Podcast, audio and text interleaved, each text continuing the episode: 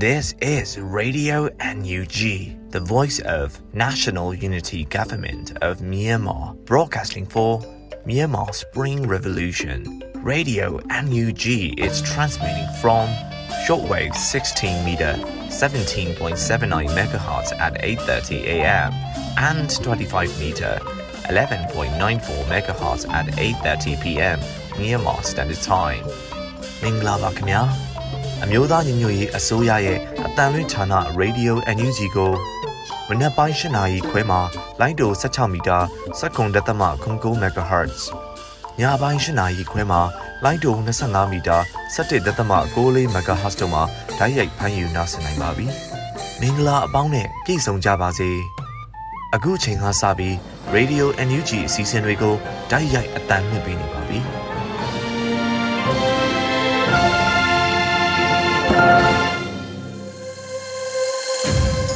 မြန်မာနိုင်ငံသူနိုင်ငံသားအပေါင်းတဘာဝပြီးဆရာနာရှင်ဘေးတို့ကနေကင်းဝေးပြီးကိုစိတ်နှပါကြားမလုံးခြုံပေးကင်းကြပါစေလို့ရေဒီယိုအန်ယူဂျီဖွဲ့သားများကဆုတောင်းမြတ်တာပို့တာနေရပါတယ်ရှင်။အခုချိန်ကစပြီးရေဒီယိုအန်ယူဂျီရဲ့နောက်ဆုံးရသတင်းများကိုလွေဦးလေပြည်ကဖတ်ကြားတင်ဆက်ပေးမှာဖြစ်ပါတယ်ရှင်။မင်္ဂလာပါရှင်။ Radio NUG ရဲ့ညပိုင်းပြည်တွင်သတင်းတွေကိုဖတ်ကြားတင်ပြပေးတော့မှာဖြစ်ပါတယ်။ကျွန်မຫນွေဦးလေးပြပါ။ ခုပထမအဆုံးအနေနဲ့အမျိုးသားညီညွတ်ရေးအစိုးရကသတ်မှတ်ထုတ်ပြန်ထားတဲ့အခွန်ချလန်ပုံစံနမူနာကိုအခွန်ထမ်းပြည်သူများထံအသိပေးကြေညာတဲ့သတင်းကိုတင်ပြပေးပါမယ်။အမျိုးသားညီညွတ်ရေးအစိုးရကသတ်မှတ်ထုတ်ပြန်ထားတဲ့အခွန်ချလန်ပုံစံနမူနာကိုအခွန်ထမ်းပြည်သူများထံအသိပေးကြေညာလိုက်ပါတယ်။ဇူလိုင်လ22ရက်နေ့မှာကြေညာချက်အမှတ်၄မြင်းဆောင်2022နဲ့စီမံကိန်းဗဏ္ဍာရေးနဲ့ယင်းနှိမ့်မှုမှုဝန်ကြီးဌာနကကြေညာခဲ့ပါတယ်။ အမျိုးသားညီညွတ်ရေးအစိုးရကဂျာကာလာဒေသန္တရအုပ်ချုပ်ရေးဖော်ဆောင်ရမှာအခွန်ကောက်ခံခြင်းနဲ့မျှဝေသုံးစွဲခြင်းဆိုင်ရာမူဝါဒကို2022ခုနှစ်ဖေဖော်ဝါရီလ6ရက်နေ့မှာထုတ်ပြန်ခဲ့ပြီးဖြစ်ပါတယ်။အဲဒီမူဝါဒအတိုင်းစီမံဆောင်ရွက်နိုင်ရေးအတွက်ဂျာကာလာဒေသန္တရပြည်သူ့အုပ်ချုပ်ရေးဖော်ဆောင်မှုဗဟိုကော်မတီနဲ့သက်ဆိုင်ရာမြို့နယ်ပြည်သူ့အုပ်ချုပ်ရေးအဖွဲ့များကချိတ်ဆက်လှုပ်ဆောင်လျက်ရှိတယ်လို့ဆိုပါတယ်။ယနေ့အချိန်ထိအမျိုးသားညီညွတ်ရေးအစိုးရရဲ့ထိန်းချုပ်နယ်မြေဒေသများမှာအခွန်တန်းပြည်သူများအနေနဲ့အခွန်ပေးဆောင်ရန်ဆရာထက်တန်လျက်ရှိပြီး ကြိုတင်အခွန်များကိုပေးဆောင်လျက်ရှိပါတယ်။မြို့နယ်ပြည်သူ့အုပ်ချုပ်ရေးအဖွဲ့များကလှုပ်ထုံးလုပ်နည်းများနဲ့အညီအခွန်အကောက်ပေးဆောင်တဲ့လုပ်ငန်းရှင်များအတွက်တတ်မှတ်အခွန်ချက်လန်ပုံစံများဖြင့်ကောက်ခံလျက်ရှိပါတယ်။မြို့သားညီညွတ်ရေးအစိုးရကတတ်မှတ်ထုတ်ပြန်ထားတဲ့အဆိုပါအခွန်ချက်လန်ပုံစံနမူနာကိုအခွန်ထမ်းပြည်သူများထံအသိပေးကြေညာအပ်ပါတယ်လို့ဖော်ပြပါရှိပါတယ်။ဆက်လက်ပြီး ICJ တရားရုံးဆုံးဖြတ်ချက်အမျိုးသားညီညွတ်ရေးအစိုးရကကြိုဆိုတဲ့သတင်းကိုတင်ပြပေးပါမယ်။ ICJ တရားရုံးဆုံးဖြတ်ချက်ကိုအမျိုးသားညီညွတ်ရေးအစိုးရကကြိုဆိုလိုက်တယ်လို့ဝန်ကြီးဦးအောင်မျိုးမင်းကပြောပါတယ်။ဇူလိုင်လ23ရက်လူမှုကွန်ရက်မှာလူခွင့်ရေးရဝန်ကြီးဦးအောင်မျိုးမင်းကရေးသားပြောကြားခဲ့တာပါ။မြန်မာနိုင်ငံပေါ်ဂမ်ဘီယာနိုင်ငံကရိုဟင်ဂျာဂျီနိုဆိုက်ရာဇဝတ်မှုနဲ့ပတ်သက်ပြီးတရားစွဲဆိုထားတဲ့အပေါ်လက်ခံစီရင်ခွင့်မရှိဘူးလို့စစ်ကောင်စီဘက်ကကနအုပ်ကန့်ကွက်ချက်တွေကို ICJ တရားသူကြီးအားလုံးကတင်းကြီးကျွညွတ်သေးပယ်ချလိုက်ပါတယ်။ ICJ ကမြန်မာနိုင်ငံပေါ်တရားစီရင်ခွင့်ရှိကြောင်းဆုံးဖြတ်ချက်ချလိုက်ပါပြီ။ဒီအတွက်ကြိုဆိုတယ်လို့ဝန်ကြီးကဆိုပါတယ်။ NUG အစိုးရအနေနဲ့ ICJ ရဲ့တရားစီရင်ချက်အပေါ်ညှင်းပယ်ခဲ့တာကိုပယ်ဖျက်ခဲ့ပြီးစီရင်ရမှာပူးပေါင်းဆောင်ရွက်မယ်လို့လွန်ခဲ့တဲ့ဖေဖော်ဝါရီလတည်းကကြေညာထားပြီးလည်းဖြစ်ပါတယ်။ ICJ အမိန့်ကိုစစ်ကောင်စီညှင်းပယ်ပြီးတရားရင်မဆိုင်ရင်ဝရမ်းထုတ်ခေါ်ဆောင်နိုင်ပြီးတပ်ဆိုင်ရာနိုင်ငံများကပူးပေါင်းဖမ်းဆီးခြင်းခံရနိုင်တယ်လို့ NUG လူအခွင့်ရေးရာဝန်ကြီးတုံးသက်ပြောကြားတဲ့သတင်းကိုတင်ပြပေးပါမယ်။ ICJ အမိန့်ကိုစစ်ကောင်စီကညှင်းပယ်ပြီးတရားရင်မဆိုင်ရင်ဝရမ်းထုတ်ခေါ်ဆောင်နိုင်ပြီးသက်ဆိုင်ရာနိုင်ငံများကပူးပေါင်းဖမ်းဆီးခြင်းခံရနိုင်တယ်လို့ဝန်ကြီးဦးအောင်မျိုးမင်းကတုံ့သက်ပြောကြားလိုက်ပါတယ်။ဇူလိုင်လ22ရက်နေ့က THN Freelance Journalist နဲ့တွေ့ဆုံမေးမြန်းခန်းမှာ NUG လူ့ခွင့်ရေးရာဝန်ကြီးဦးအောင်မျိုးမင်းကဆိုပါတယ်။တရားစီရင်ကြားနာမှုမှာပူးပေါင်းပါဝင်မှုမရှိတဲ့အတွက်ဝရမ်းဆိုတဲ့မဖြစ်မနေစင့်ခေါ်စာရှိလာနိုင်တယ်။စင့်ခေါ်စာဆိုတဲ့နေရာမှာ ICJ တရားရုံးကမဖြစ်မနေဖမ်းခေါ်လာခဲ့ဆိုတာမျိုးမရှိဘူး။ ဒါပေမဲ့ဒီလိုစင့်ခေါ်တာကိုလက်မခံတဲ့အတွက်ဒီလိုရာဇဝတ်မှုကျူးလွန်တယ်လို့ဆွဆွဲခံရတဲ့သူတွေကိုကိုယ့်နိုင်ငံထဲရောက်လာလို့ပူပေါင်းပါဝင်လို့တဲ့နိုင်ငံတွေကတော့ဒါကိုဖမ်းဆီးပြီးတရားရုံးပို့လို့ရတဲ့ဟာမျိုးရှိတယ်လို့ဝန်ကြီးကဆိုပါတယ်။လူမျိုးတုံးတပ်ဖြတ်မှုနဲ့မြန်မာနိုင်ငံကိုတရားစွဲခွင့်မရှိဘူးလို့စစ်ကောင်စီဘက်ကကန့်ကွက်ထားမှုအပေါ် ICJ တရားရုံးကဇူလိုင်လ22ရက်နေ့မှာပယ်ချလိုက်ပါတယ်။ ဒါကြောင့် ICJ ကမြန်မာနိုင်ငံပေါ်တရားစီရင်ခွင့်ရှိကြောင်းဆုံးဖြတ်ချက်ချလိုက်တာဖြစ်ပြီးတော့ ICJ တရားသူကြီးများအားလုံးကတညီတညွတ်တည်းဆုံးဖြတ်ခဲ့ပါတယ်။လက်ရှိမှာစစ်ကောင်စီဘက်ကနေဥက္ကိုကိုလိုင်းခေါင်းဆောင်တဲ့ကိုယ်စားလှယ်အဖွဲ့ကဆောင်ရွက်နေပါတယ်ရှင်။ဆက်လက်ပြီး NUG အစိုးရမှလိုအပ်ချက်နဲ့လင်းဟာချက်တွေရှိကောင်းရှိနိုင်ပေမဲ့တော်လန်ရေးကိုအားလုံးနဲ့ပူးပေါင်းဆောင်ရွက်လိုတယ်လို့ဝန်ကြီးဦးထင်လင်းအောင်ပြောကြားတဲ့သတင်းကိုတင်ပြပေးပါမယ်။ NUG အစိုးရမှလိုအပ်ချက်နဲ့လင်းဟာချက်တွေရှိကောင်းရှိနိုင်ပေမဲ့လည်းတော်လန်ရေးကိုအားလုံးနဲ့ပူးပေါင်းဆောင်ရွက်လိုတယ်လို့ဝန်ကြီးဦးထင်လင်းအောင်ကပြောကြားလိုက်ပါတယ်။ဇူလိုင်လအတွင်းလူလူတွေ့ဆုံပွဲမှာတရင်အချက်လက်နဲ့ဆက်သွယ်ရေးဤပညာပြည်တော်စုဝန်ကြီးဦးထင်လင်းအောင်ကပြောကြားခဲ့ပါတယ်။ NUG အစိုးရမှလိုအပ်ချက်တွေလိဟာချက်တွေရှိကောင်းရှိနိုင်ပါတယ်။ဒီလိဟာချက်လိုအပ်ချက်တွေကိုပြည်သူလူထုအားနဲ့တော်လှန်ရေးအားနဲ့အားလုံးအတူတူလက်တွဲပြီးဆောင်ရွက်သွားကြမယ်ဆိုလို့ရှိရင် ကျွန်တော်တို့ရဲ့လိုအပ်နေတဲ့ Federal Democracy ကမကြခင်ရောက်လာတော့မှာပါအခုပဲမြင်တွေ့နေရပါပြီလို့ဝန်ကြီးကဆိုပါတယ်လက်ရှိမှာအမျိုးသားညီညွတ်ရေးအစိုးရဟာအမျိုးသားအတိုင်ပင်ခံကောင်စီနဲ့ပူးပေါင်းဆောင်ရွက်နေပြီးတိုင်းသားကိုယ်စားလှယ်များတော်လှန်ရေးအင်အားစုများနဲ့လည်းနေ့စဉ်မပြတ်တွေ့ဆုံလျက်ရှိပါတယ်ရှင်။ဆက်လက်ပြီးစစ်သုံးစစ်ကြောင့်တိုင်းပြည်ဟာပြပုံနီးနီးဘဝရောက်နေကြပြီလို့ပြည်ထောင်စုဝန်ကြီးဒေါက်ခင်မမမျိုးဆိုလိုက်တဲ့သတင်းကိုတင်ပြပေးပါမယ်။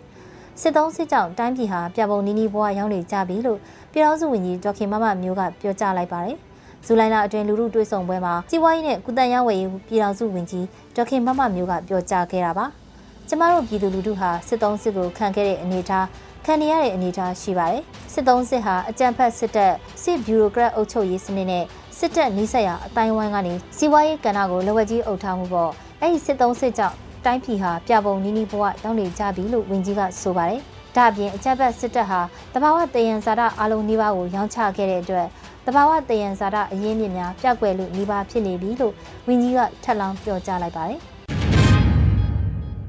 ခုဆက်လက်ပြီးအမျိုးသားညီညွတ်ရေးအစိုးရကဝေရိုက်စာချုပ်ပေါင်း9900ကျော်ရောင်းချပြီးဖြစ်တယ်လို့ဒုဝန်ကြီးဦးမင်းစရာဦးအသိပေးတဲ့သတင်းကိုတင်ပြပေးပါမယ်။ အမျိုးသားညီညွတ်ရေးအစိုးရကဝေရိုက်စာချုပ်ပေါင်း9900ကျော်ကိုရောင်းချပြီးဖြစ်တယ်လို့ဒုဝန်ကြီးဦးမင်းစရာဦးကအသိပေးပြောကြားလိုက်ပါတယ်။ဇူလိုင်လအတွင်းလူလူတွေ့ဆုံပွဲမှာစီမံကိန်းဗဏ္ဍာရေးနဲ့ယင်းနှိမ့်နှံမှုဝန်ကြီးဌာနဒုတိယဝန်ကြီးဦးမင်းစရာဦးကပြောကြားခဲ့ပါတယ်။ခုချိန်ထိတော့ငွေတိုက်စာချုပ်ပေါင်းဟာ9900ကျော်ရောင်းချပြီးဖြစ်ပါတယ်။ နောက်တစ်ခုကအခွန်တစိတ်ကောင်းကျွန်တော်တို့စီမံဘဏ္ဍာကထုတ်ထားတာ၅မျိုးရှိပါတယ်။ဒါကိုလည်းအမျိုးသားညီညွတ်ရေးအစိုးရနဲ့သက်ဆိုင်တဲ့စာချုပ်စာတမ်းတွေမှာရည်ရွယ်အသုံးပြုလျက်ရှိပါတယ်လို့ဆိုပါတယ်။အချင်းငွေလိုက်စာချုပ်များကို NUG အစိုးရဟာ2021ခုနှစ်နိုဝင်ဘာလမှာစတင်ရောင်းချခဲ့ပြီးတော့လက်ရှိအချိန်မှာအမေရိကန်ဒေါ်လာ38တန်ဖိုးအထိရောင်းချထားပြီးဖြစ်ပါတယ်ရှင်။အခုဆက်လက်ပြီး ချင်းတွင်းမြေကြောင်အတိုင်းအထက်ကိုတက်သွားတဲ့စစ်ကောင်စီတပ်စစ်ရေးရင်များအကူပြန်ဆင်းလာကချင်းတွင်းမြေပေးမှာရှိတဲ့ရွာများသို့မှွေနောက်ပစ်ခတ်နေတဲ့တရင်ကိုတင်ပြပေးပါမယ်။ချင်းတွင်းမြေကြောင်အတိုင်းအထက်ကိုတက်သွားတဲ့စစ်ကောင်စီတပ်စစ်ရေးရင်များဟာအကူပြန်ဆင်းလာကချင်းတွင်းမြေကမ်းပေးမှာရှိတဲ့ရွာများကိုမှွေနောက်ပစ်ခတ်ခဲ့ပါတယ်။ဇူလိုင်23ရက်နေ့နက်ပိုင်းကစတင်ပြီးစစ်ကောင်စီရေရင်နှစ်စီးအလုံးမင်းတောက်မှတဆင့်စံတက်လာပြီးချင်းတွင်းမြေကမ်းပေးမှာရှိတဲ့ပဒိန်ပြင်း ကြောက်မော်ရွာတို့ကိုမှွေနောက်ပစ်ခတ်နေတယ်လို့တော်လန်ရေးအင်အားစုများကဆိုပါတယ်။လက်ရှိမှာရွာသားများထွက်ပြေးတိမ်းရှောင်နေရပြီးတော့ရင်းမပင်မြို့နယ်ကြောက်မော်ကျွေးရွာကိုယနေ့နနက်9နာရီအချိန်မှာဝင်ရောက်လာပြီးပြည်သူနေအိမ်များကိုမှွေနောက်ကပြည်သူ10ဦးခန့်ကိုဖမ်းဆီးသွားခဲ့တယ်လို့ဆိုပါတယ်။အကြမ်းဖက်စစ်တပ်ရန်မှဘေးလွတ်ရာကိုထွက်ပြေးတိမ်းရှောင်နေရတဲ့ဒေသခံကျေးရွာတွေကစစ်ပေးရှောင်အင်အား3000ကျော်ခန့်ရှိပါတယ်ရှင်။အခုဆက်လက်ပြီး မုံရမြို့အဆွေတော်ဖုန်းနဲ့ဆိုင်ကယ်ဆိုင်ကိုယနေ့မနက်ကလူဆယ်ဦးခန့်တနက်နဲ့ပြပြီးဓမြတိုက်၍ဆိုင်ကယ်ရှစ်စီးနဲ့ဖုန်းများယူဆောင်သွားတဲ့တဲ့ရင်ကိုတင်ပြပေးပါမယ်။မုံရမြို့အဆွေတော်ဖုန်းနဲ့ဆိုင်ကယ်ဆိုင်ကိုယနေ့မနက်လူဆယ်ဦးခန့်တနက်ပြပြီးဓမြတိုက်၍ဆိုင်ကယ်ရှစ်စီးနဲ့ဖုန်းများကိုယူဆောင်သွားပါတယ်။ဇူလိုင်လ23ရက်နေ့နက်အစောပိုင်းမှာဖြစ်ပေါ်ခဲ့တာလို့အဆွေတော်ဖုန်းနဲ့ဆိုင်ကယ်အယောင်းဆိုင်ကဝန်ထမ်းတူကပြောပါတယ်။ဆိုင်ကယ်ရှစ်စီးပါသွားတယ်။ဖုန်းတွေရောကားအမဲနဲ့လာတာအလုံး10ယောက်မှတနက်အတူကိုစီပါပါတယ်။ CCTV တွေအကုန်ရိုက်ချိုးသွားတယ်လို့ဝန်ထမ်းတဦးကဆိုပါတယ်။အဆိုပါအဆွေတော်ဖုန်းနဲ့ဆိုင်ကယ်ဆိုင်ကိုမုံရွာမြို့မြောက်ရီရဲ့တစ္ဆာလမ်းပေါ်လမ်းသွယ်နှစ်မှာဖွင့်လှစ်ထားခြင်းဖြစ်ပါတယ်။အခုတင်ပြပေးခဲ့တဲ့သတင်းလေးကိုတော့ Radio NUG သတင်းတောက်မင်းမင်းကပေးပို့ထားတာဖြစ်ပါတယ်။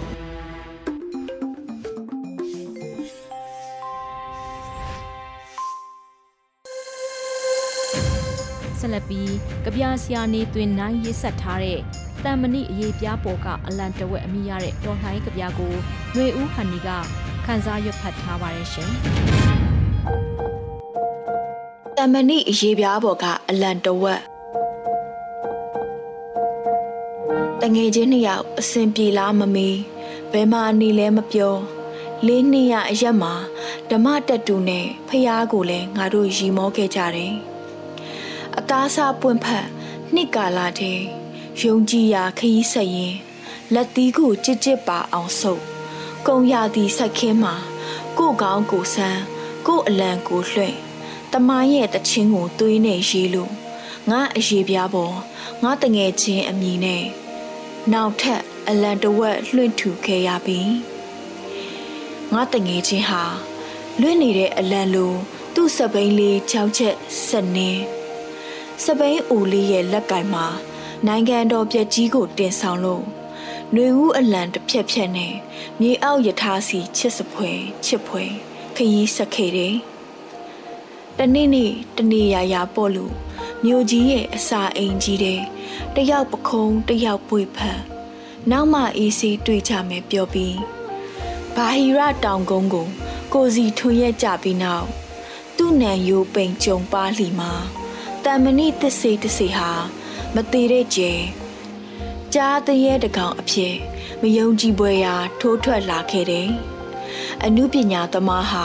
အကျမ်းပညာလဲရရမယ်။သူ့အချုပ်ဆက်လေးတဲ့နိုင်ငံတော်အပြုတ်အပြဲကြီးကိုချုပ်လို့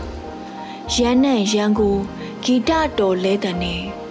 ညချမ်းချိတ်ခါတေးတန်သားရေဒီယိုလှိုင်းတွင်တဝုံဝုံလွှင့်ထုတ် အတုံးတော်ခံအအိတ်ကြီးတဲ့မြို့ရဲ့နံရံကို ဖောက်ခွဲပြခဲ့သူဆောက်ကျော်တင်းတဲ့အကတမဟာသူပေါ်ဆောက်ကျော်မတင်းတဲ့ငါတို့မြို့ရဲ့အမှတ်သေးချေမရှိသူကလတ်သားများကတော့လက်ဖက်ရည်ဝိုင်းမှာငါတငယ်ချင်းရဲ့အမည်နာမကိုတီးတိုးရွတ်ဆိုရင်ကိုလုံးဒီ HD တွေရဲ့ကြည်လင်ပြတ်သားမှုအကြောင်းအကျယ်ကြီးကတွင်တွေ့ခဲ့ကြတယ်။ လူမသိသူမသိပျောက်ကြားဆက်မှာဆောက်ကျော်တဲ့နဲ့မျိုးရဲ့တစေမိစ္ဆာနှင့်တေးရီဖွဲ့သူငါတငယ်ချင်းဟာကဘာမကြေဘူးတချင်းကလွဲပြီးသစ္စာဖောက်တို့ရဲ့လမ်းကိုမရှိဘာမှမပြောဘာမှမဆိုအာဃတေမိမာကျောတဲ့အသေးမာကျောတဲ့နှလုံးသားတမဏိအရေးပြားမှုရှင်ချင်းကိုတေခြင်းနဲ့လဲထပ်ခဲ့လိုက်တယ်။ စောက်ကြောတင်းလွတ်တဲ့သူဟာမနေ့တနေ့ကလူလွန်မသားတွေရဲ့စစ်ကြောရေးမှာသူ့အမိအဖြစ်သူ့အယိုးတွေတကြွကြွမြည်ပြသူ့အန်သွားတွေကိုတကြိတ်ကြိတ်ကြိတ်ပြရုပ်လုံးမပေါ်တော့တဲ့သူ့မျက်နှာကိုသွေးဆေးတွေနဲ့ဥမော့ရင်ပြသွေးရဲ့အမျိုးအစားကိုရဲရင်ချင်းလို့ဖော်ထုတ်ပြခွေးတွေရဲ့အသွေးအသားတွေတပွက်ပွက်စူပွက်ခုံပေါက်ရတဲ့အထိငါတငယ်ချင်းဟာဆောက်ကြောတင်ခဲ့တယ်။ သူဟာတားစင်မြေးဆက်ပြောပြဖို့ပုံမြင်ရေးသူ ခွေးကိုအမဲလိုက်သူရာဇဝင်ထွင်းသူကျဲအဖြစ်ဝင်စားလို့ငါတို့အရေးပြားပေါ်ကပျောက်ရှသွားတဲ့ကျဲဝိယုံရဲ့အလံဟာတေးရပါပျော်စရာလာတော့ပျော်စရာလားမေးလို့ရေးစရာလာတော့ရေးစရာလားမေးလို့မျက်ရည်လာမေးတဲ့အခါမျက်ရည်တစ်ခုသာတေချာခဲ့ရလို့ ကောင်းကင်အပြည့်ကျယ်ရီပြန်ထက်ခဲ့သလောက်ဒီတခါအဓမ္မကိုဓမ္မကအနိုင်မရရင်ဖျားရှိခြင်းကိုငါမယုံတော့တရားရှိခြင်းကိုငါမယုံတော့စစ်ကြောရေးမှာကြာဆုံးသွားတဲ့ရဲဘော်ကိုချစ်တို့နေတွင်နိုင်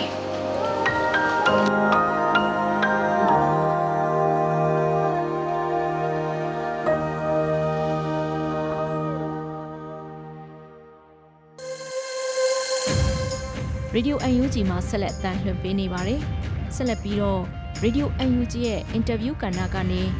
CDM တူဦးရဲ့ဘဝဖြတ်တန်းမှုအပိုင်း32ကိုຫນွေဦးဝန်ကမေးမြန်းတင်ဆက်ထားပါတယ်ရှင်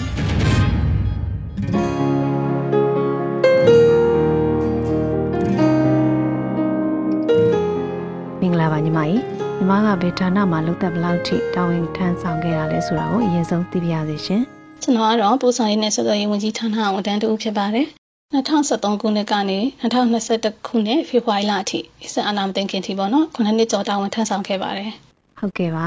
အဲ့ဒီကနေခုလို CDM ပါဝင်ပြခဲ့ပုံလေးကိုလည်းဆက်ပြီးပြောပြပေးပါအောင်ရှင် CDM လုံးဖြစ်တဲ့အဓိကအကြောင်းရင်းအကြတော့ဒီမတရားတော့အကောင်းဆုံးမခံချင်လို့ပါ လက်နဲ့အောက်ပို့ပြီးတော့အနိုင်ကျင့်ခြင်းတဲ့သူတွေကိုနင်တို့ဒီလိုလှုပ်ချင်နိုင်လို့မရဘူးဆိုတာမျိုးကိုပြချင်တယ်သူတို့လက်အောက်မှာနေပြီးတော့သူတို့ခိုင်းတဲ့အလုပ်တွေလုံးပေးချင်မှုသူတို့နဲ့လူလူပါအဖြစ်မခံနိုင်ဘူးပေါ့နော်အားကြောင့်မို့လို့ CDM မှာပါဝင်ဖြစ်ခဲ့ပါတယ်ရှင်ဟုတ်ကဲ့ပါရှင်ညီမအနေနဲ့ CDM ပါဝင်ဖြစ်ခဲ့ပြီးနောက်ပိုင်းကစပြီးတော့ဘယ်လိုမျိုးအခက်အခဲတွေရင်ဆိုင်ခဲ့ရလဲဌာနကဘလို့ PR တွေ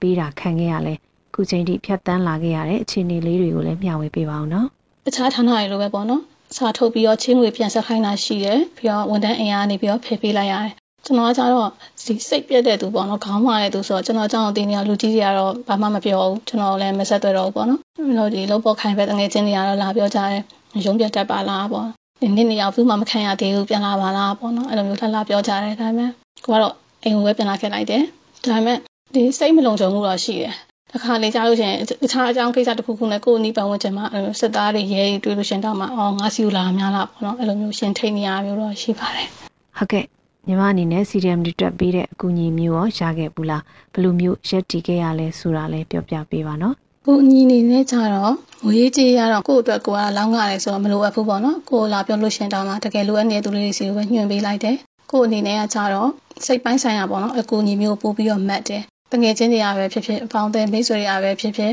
ဟာအဲ့နဲ့ခက်ခဲဖြစ်ရင်ပြောတော့အခုညီတို့ရင်ချိန်ပြီးပြောတော့လို့ပြောကြတယ်ပြီးတော့တချို့ဆိုရင်လည်းအမကပြင်းနေလို့ရှိရင်အားနေလို့ရှိရင်ဖတ်ဖို့စာအုပ်လေးပို့ပေးလိုက်မယ်အဲ့လိုမျိုးလေးပြောကြတာမစားပေါ့နော်စိတ်ခွန်အားဖြစ်ရတယ်ကျေးဇူးတင်ရပါတယ်ဟုတ်ကဲ့ပါညီမအနေနဲ့ပြောသလိုပေါ့နော်စိတ်ပိုင်းဆိုင်ရာမှာအမြဲတမ်းစိုးရင်ကြောက်ကြမှုကိုခံစားနေရတယ်ဆိုတော့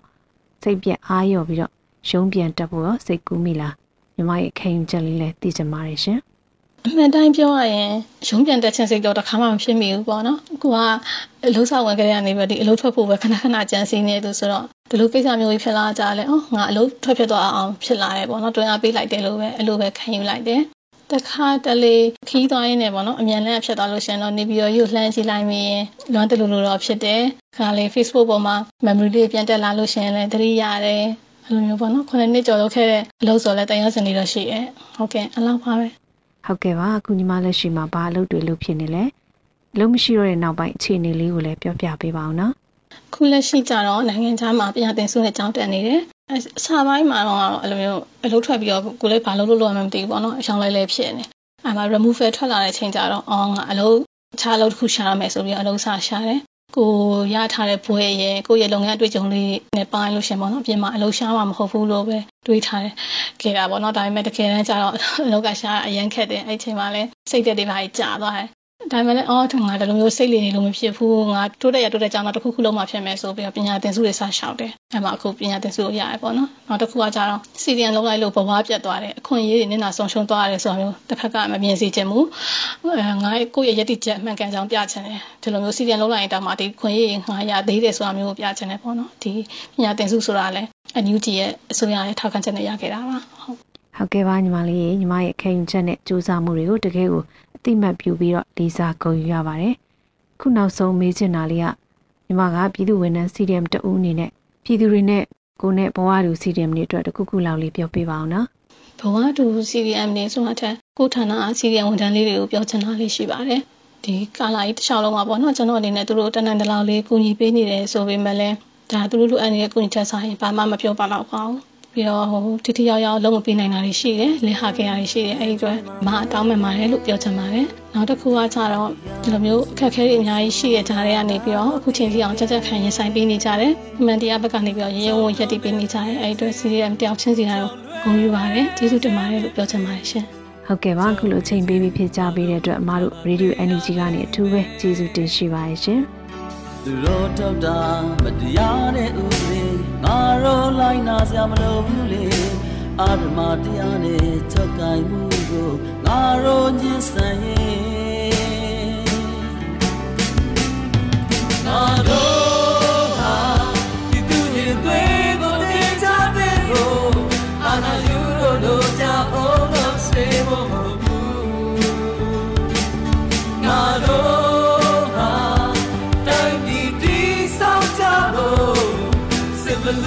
ချုပ်ထားခိုင်လေအောင်လို့ဖို့မဘူး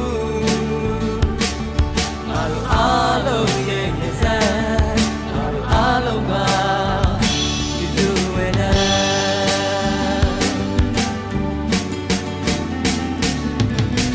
ဒီမျိုးဆိုတငယ်ချင်းငါတို့တွေခွဲလွဲလို့ဒီအာနာစင်တာအချိန်ချင်းဆွဲခဲ့ပြီ Oh yeah ဆိုငယ်ချင်းငါတို့အားလုံးဟာတိုင်းပြည်ရဲ့ကောင်းစင်မှန်ပါသူတို့ထုတ်တာမတရားတဲ့ဥပဒေဒီစံဘောကတော့ဝေတရားလေအာဓမတရားရဲ့ချုပ်ကိုင်မှုကိုငါတို့စัจကျင်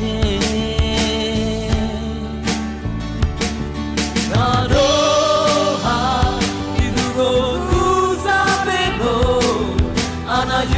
ယူလို့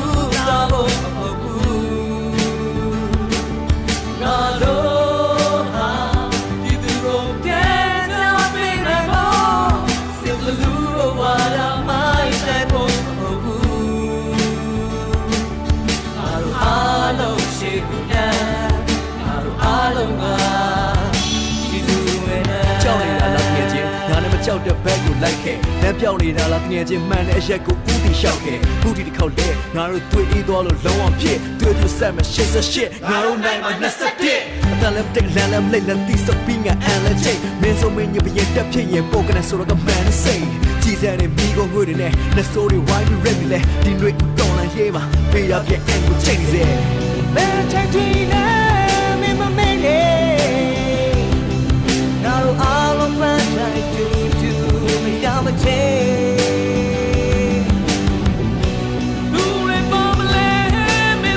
နဲ့ငါတို့အားလုံးတယောက်တစ်ချက်မင်းနဲ့တူတိုင်းလေ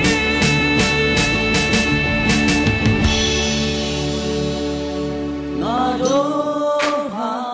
ဒီသူရဲ့သွေးကိုတေးချပေးဖို့အာနာယူလို့လို့ချအောင်တော့စေဖို့မဟုတ်ဘူး ငါတို့ဟာတိုင်းပြည်တည်ဆောက်ကြဖို့စစ်ဘလူးလို့ချုပ်တောင်ခိုင်ရအောင်လုပ်ဖို့မဟုတ်ဘူးငါတို့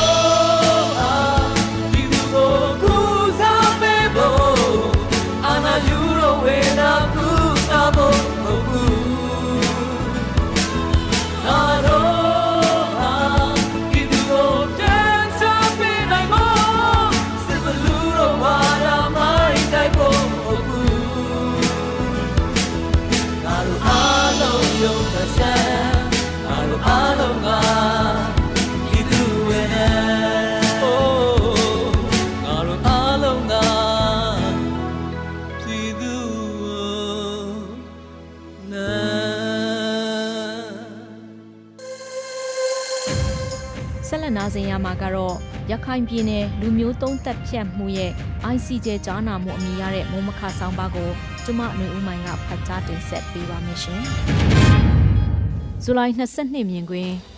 ရခိုင်ပြည်နယ်လူမျိုးသုံးသက်ဖြတ်မှုရဲ့ ICJ ကြားနာမှုဆိုတဲ့အကြောင်းကိုဖတ်ကြားပေးပါမယ်။ NLD အစိုးရလက်ထက်ကလေးကရင်ဆိုင်နေရတဲ့ ICJ ခုံရုံးရောက်မြန်မာနိုင်ငံနဲ့ကမ်ဘီယာနိုင်ငံအမှုကိစ္စအပေါ်စစ်ကောင်စီဘက်ကကန့်ကွက်မှုကို ရုံးဆက်ရတဟက်စ်မြို့မှာယနေ့ကြားနာဆုံးဖြတ်ချက်တစ်ခုချမှတ်ခဲ့ပါတယ်။အမှုဆိုင်ရာဆွဲဆိုမှုကိုအကျုံးမဝင်ကြောင်းမြန်မာစစ်ကောင်စီဘက်ကကန့်ကွက်ချက်ကိုတရားရုံးကပေးချခဲ့ပြီးဆက်လက်ကြားနာစစ်ဆေးဖို့ဆုံးဖြတ်ခဲ့တာဖြစ်ပါတယ်။2019ခုနှစ်ဩဂတ်လနဲ့စက်တင်ဘာလတွေမှာဖြစ်ပွားခဲ့တဲ့ရိုဟင်ဂျာအရက်သားပေါင်းထောင်နဲ့ချီတပ်ပြတ်ခံရမှုတွေအတွက် OIC Organization of Islamic Country အဖွဲ့ဝင်နိုင်ငံတနိုင်ငံဖြစ်တဲ့ဂမ်ဘီယာနိုင်ငံက မြန်မာနိုင်ငံကိုတရားစွဲဆိုဖို့နယ်သာလန်နိုင်ငံတဟက်စ်မြို့မှာရုံးဆိုင်တဲ့ ICJ တရားရုံးမှာလျှောက်ထားခဲ့ရကတရားရုံးကလက်ခံကြားနာပြီးမြန်မာနိုင်ငံက2019ခုနှစ်မှာစတင်ရင်ဆိုင်ဖြည့်ရှင်းခဲ့ရတာဖြစ်ပါတယ်။အဲ့ဒီအချိန်မှာ NLD အစိုးရလက်ထက်အစိုးရဖွဲ့ရဲ့ခေါင်းဆောင်လို့သတ်မှတ်ထားတဲ့ဒေါ်အောင်ဆန်းစုကြည်ကိုယ်တိုင်မြန်မာနိုင်ငံဘက်ကရင်ဆိုင်ဖြည့်ရှင်းဖို့နယ်သာလန်နိုင်ငံကိုဥဆောင်သွားရောက်ခဲ့တာဖြစ်ပါတယ်။ရခိုင်မြောက်ပိုင်းမှာ ဒါဇင်နဲ့ချီတဲ့ရေကင်းစခန်းတွေကို ARSL လို့ခေါ်ဆိုတဲ့ရိုဟင်ဂျာလက်နက်ကိုင်အဖွဲ့တွေကအလစ်အငိုက်တိုက်ခိုက်ခဲ့တာကိုရှင်းလင်းချေမှုရာအလွန်အကျွံအင်အားသုံးခဲ့တာတွေကြေးရွာတွေကိုဖျက်ဆီးမိရှုခဲ့တာတွေမြန်မာအစိုးရတပ်တွေကအမျိုးသမီးကလေးသူငယ်ပါမကြံအယက်သားရာနဲ့ချီတက်ဖြတ်ခဲ့တာတွေအတွက်လူမျိုးတုံးတက်ဖြတ်မှုအဖြစ်အရေးယူပေးဖို့ကမ်ဘီယာနိုင်ငံက ICJ မှာလျှောက်ထားခဲ့တာဖြစ်ပါတယ်။ဒီအဖြစ်ဖြစ်တွေနဲ့ပတ်သက်လို့ NLD အစိုးရအနေနဲ့စစ်တပ်ရဲ့ရက်စက်ကြမ်းကြုတ်တဲ့ရှင်လင်းရေးလှုပ်ဆောင်မှုတွေကြေးရွာတွေမှာပြန်လည်နေထိုင်ဖို့မလွယ်ကူအောင်မိရှုဖျက်ဆီးခဲ့တဲ့အဖြစ်အပျက်တွေကိုထိုစဉ်ကတည်တည်ချာချာမသိခဲ့ဘူးဆိုတဲ့ပြောဆိုမှုတွေ NLD ခေါင်းဆောင်ပိုင်းကမကြာခင်လများတုန်းကအင်တာဗျူးမှာဖြေဆိုခဲ့ပူပါတယ်။ထိုစဉ်ကပြည်ထောင်စုအဆင့်လွတ်တော်ဥက္ကဋ္ဌလူပုဂ္ဂိုလ်မျိုးတောင်ရခိုင်ပြည်နယ်မှစစ်တပ်ကရိုဟင်ဂျာအယက်သားတွေကိုဘလို့ရက်ဆက်စွာတပ်ဖြတ်ခဲ့တယ်လဲဆိုတာ ကောင်းစွာမသိရှိခဲ့ပဲ ARS ဖွဲ့ရဲ့လုံရဲ့အချို့ကိုစစ်တပ်ကမှတ်တမ်းယူပြီး၎င်းတို့ကိုပြတ်တာတာကိုသာသိရပြီးစစ်တပ်ကပြောဆိုမှုကိုရိုးရိုးသားသားယုံကြည်ခဲ့တယ်လို့လွတ်တော်ဥက္ကဋ္ဌကသတင်းမီဒီယာအင်တာဗျူးမှာပြောခဲ့ပါတယ်။အချို့သောပြည်တွင်းကနိုင်ငံရေးသမားတွေက NLD အစိုးရအနေနဲ့စစ်တပ်ကိုလှုပ်ချင်ရလှုပ်ခွန်ပေးတယ်ဆိုတဲ့သဘောမျိုးယူဆကြတာရှိသလိုအချို့သောနိုင်ငံရေးသမားတွေကတော့ အင်အားသုံးတာလွန်ကျွံတာမျိုးရှိကောင်းရှိနိုင်ပေမဲ့အမျိုးသားလုံခြုံရေးအမျိုးသားအကျိုးစီးပွားအတွက်လှုပ်တင်တာလုပ်ခဲ့တာဆိုတဲ့အမြင်မျိုးရှိသူတွေလည်းကြားခဲ့ရသိခဲ့ရပူပါတယ်။ဒီနေရာမှာအနောက်နိုင်ငံတွေတံမိုးထားကြတဲ့လူအခွင့်ရေးနိုင်ငံသားဖြစ်ခွင့်ကြီးမြင့်မှာမွေးဖွားပြီးဒီမြင့်မှာကြီးပြင်းသူတွေကိုမနေနိုင်အောင်နှင်းဆဲတာတက်ဖြတ်တာပိုင်ဆိုင်မှုလူယူတာရက်ရွာတွေဖျက်ဆီးပြီးမောင်းထုတ်တာတွေအတွက်ဘလို့အကြောင်းနဲ့မှလှုပ်တင်တယ်လို့ လက်ခံလို့မရဘူးဆိုတဲ့လူအခွင့်ရေးလူသားဖြစ်တည်မှုအပေါ်ယက်တီခဲ့ကြသူတွေရဲ့အမြင်စသဖြင့်ပြည်တွင်းကအဖွဲ့အစည်းတွေနိုင်ငံရေးသမားတွေအကြားမှာတင်အမြင်ကွဲလွဲခဲ့ကြတာတွေရှိခဲ့ပါတယ်။ဒီဖြစ်ရဲ့အတွက်ဒေါ်အောင်ဆန်းစုကြည်ဦးဆောင်တဲ့အစိုးရအနေနဲ့စစ်တပ်ရဲ့ကျူးလွန်မှုတွေကိုကာကွယ်ပြောဆိုကာ ICJ အထိကိုရိုင်းသွားရောက်ခုခံကာကွယ်တာတွေကြောင့်နိုင်ငံတကာက NLD ပါတီရဲ့ခေါင်းဆောင် ဒေါ်အောင်ဆန်းစုကြည်ရဲ့ပေါ်ထားရှိခဲ့တဲ့လေးစားအတိမတ်ပြုမှုအများပြားဆုံးရှုံးခဲ့ရတာလည်းဖြစ်ပါတယ်။စစ်တပ်ကတော့ထိုစဉ်ကအစိုးရဖြစ်တဲ့ NLD ရဲ့လက်အောက်ကတက်မတော်တပွဲဟန်ပြခဲ့ပြီးလက်တွေ့မြေပြင်မှာဘယ်လိုဖြစ်ပျက်ခဲ့တယ်လဲဆိုတာကိုထိုဖြစ်ပျက်နေစဉ်ကာလတွေမှာ NLD အစိုးရအနေနဲ့တည်တည်ချာချာသိရှိခဲ့ပုံများပဲဖြစ်ပြီးနောက်မှာဆက်လက်ကာကွယ်ဖို့သာဆုံးဖြတ်ခဲ့ကြတဲ့အနေထားလို့အကဲခတ်ကောက်ချက်ချရပါတယ်။စစ်အာဏာသိမ်းပြီးနောက်မှာတော့ ကျူးလွန်သူနဲ့ခုခံကာကွယ်သူဟာတဖွဲ့တွေဖြစ်သွားပြီလို့ဆိုနိုင်ပြီး ICJ ဆွဲဆိုတဲ့အမှုကိုစစ်ကောင်စီကတာဝန်ပေးတဲ့ဝင်ကြီးအဆင့်ရှိသူနှုတ်ကတွားရောက်ရင်ဆိုင်လျှောက်လဲခဲ့ကြတာဖြစ်ပါတယ်။၎င်းတို့လျှောက်လဲချက်ကြားဖြတ်ကန့်ကွက်မှုကိုဒီနေ့မှတရားရုံးကဆုံးဖြတ်ခဲ့ပြီးဆက်လက်ကြားနာဖို့ဖြစ်လာခဲ့တာပါ။ဒီအဖြစ်ပြက်ဟာစစ်အာဏာသိမ်းမှုမတိုင်ခင်စစ်တပ်ရဲ့လူမျိုးရေးအစိုးရောက်တဲ့ယက်တီချက်မြန်မာနိုင်ငံမှာ လူများစုကိုးကွယ်တဲ့ဗုဒ္ဓဘာသာအပေါ်အခြေခံထားတဲ့နိုင်ငံရေးယက်တီချက်ကိုဖော်ပြခဲ့တာဖြစ်ပြီး